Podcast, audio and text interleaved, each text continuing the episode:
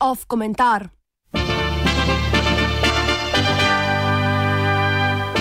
Nasvidenje v naslednji vojni.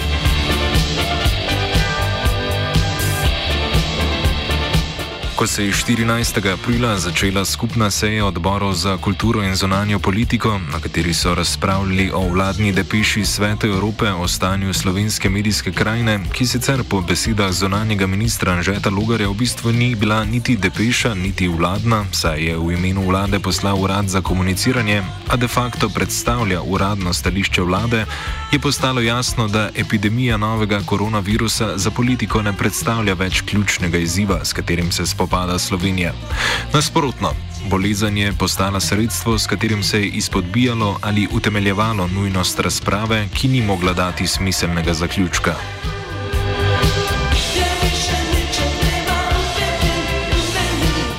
Da se ne razumemo narobe. Razprava o tem, kako vlada dojema domače medije in kakšno izkrivljeno podobo o njih pošilja v tujina, je potrebna.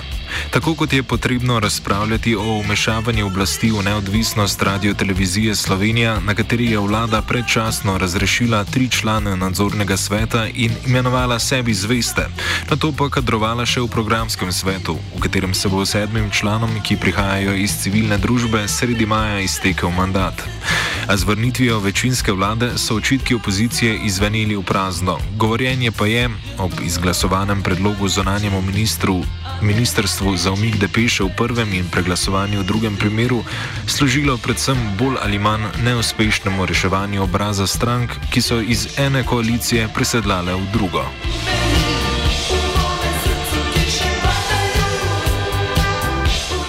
Čeprav so v tem času veljali še vsi najstrožji omejitveni ukrepi za preprečevanje širjenja koronavirusne bolezni, ste omenjena dogodka že zarisala gabarite nove normalnosti, ki jo politika in stroka omenjata ob ponovnem sproščanju javnega življenja. Nakazala sta namreč modus operandi nove vlade in to še preden so v večjem obsegu na dan prišle podrobnosti o nepravilnostih nabave zaščitne opreme. Da se v posebnih razmerah, če že izredne niso razglašene, lahko dela zelo po domače, neposredna odgovornost pa je razpršena, če ne že zabrisana.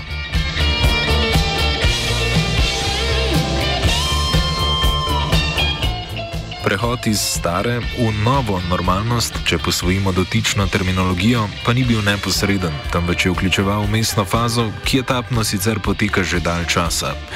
Njeno trajanje namreč sega v čas še pred izbruhom novega koronavirusa. Razglasitev epidemije in zaseda pozicija moči sta le pospešila in modificirala njeno pojavno obliko. Gre za diskurs sedaj največje vladne stranke in njenega predsednika Janeza Janše, ki sta na naboru ksenofobne, homofobne, rasistične, protimigranske in še katere retorike dodala še militaristično.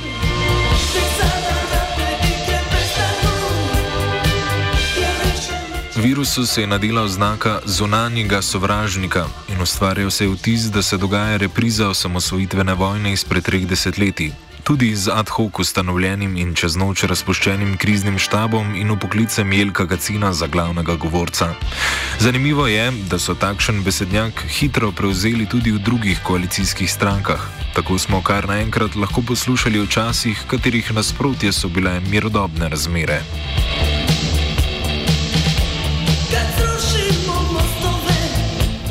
Nasploh sta bila vladna komunikacija z javnostjo in način izvajanja leti ena najšipkejših točk sicer uspešne zaezitve virusa v Sloveniji.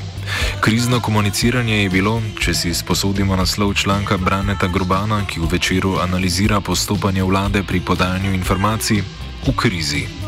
Primerov je veliko, a za priklic v spomin je verjetno dovolj omemba nekaterih, kot so žalovanje obramnega ministra Mateja Tonina za izgubljenim tovrnjakom zaščitnih mask na odmevih, družno sprehajanje ministrov in predsednika Pahorja ob Kolpi, pokroviteljski odnos do državljanov, ki ga lahko povzamemo s frazo Uživajte, dokler lahko, in ne nazadnje neusklajenost ob odpiranju knjižnic in muzejev.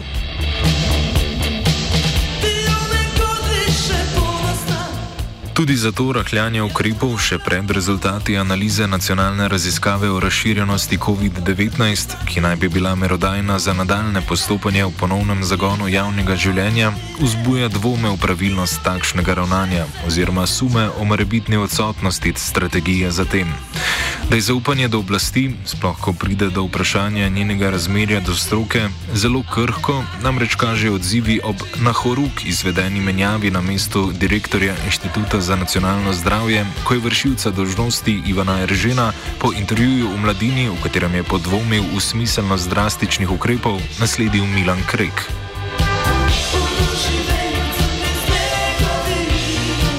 A takšna je nova normalnost. Čas, ko zelo hitro lahko srečaš prihodnost in ko so osebni napadi ala Trump dobili prostor tudi na podalpski strani Twitterja. Tudi čas, ko se v svežem proti korona zakonodaje hitro lahko potakne sporen člen ali dva. Kriza je namreč priložnost. Ne more trajati večno, lahko pa se ponovi. Zatorej nas videnje v naslednji vojni. Komentiral je Fabian.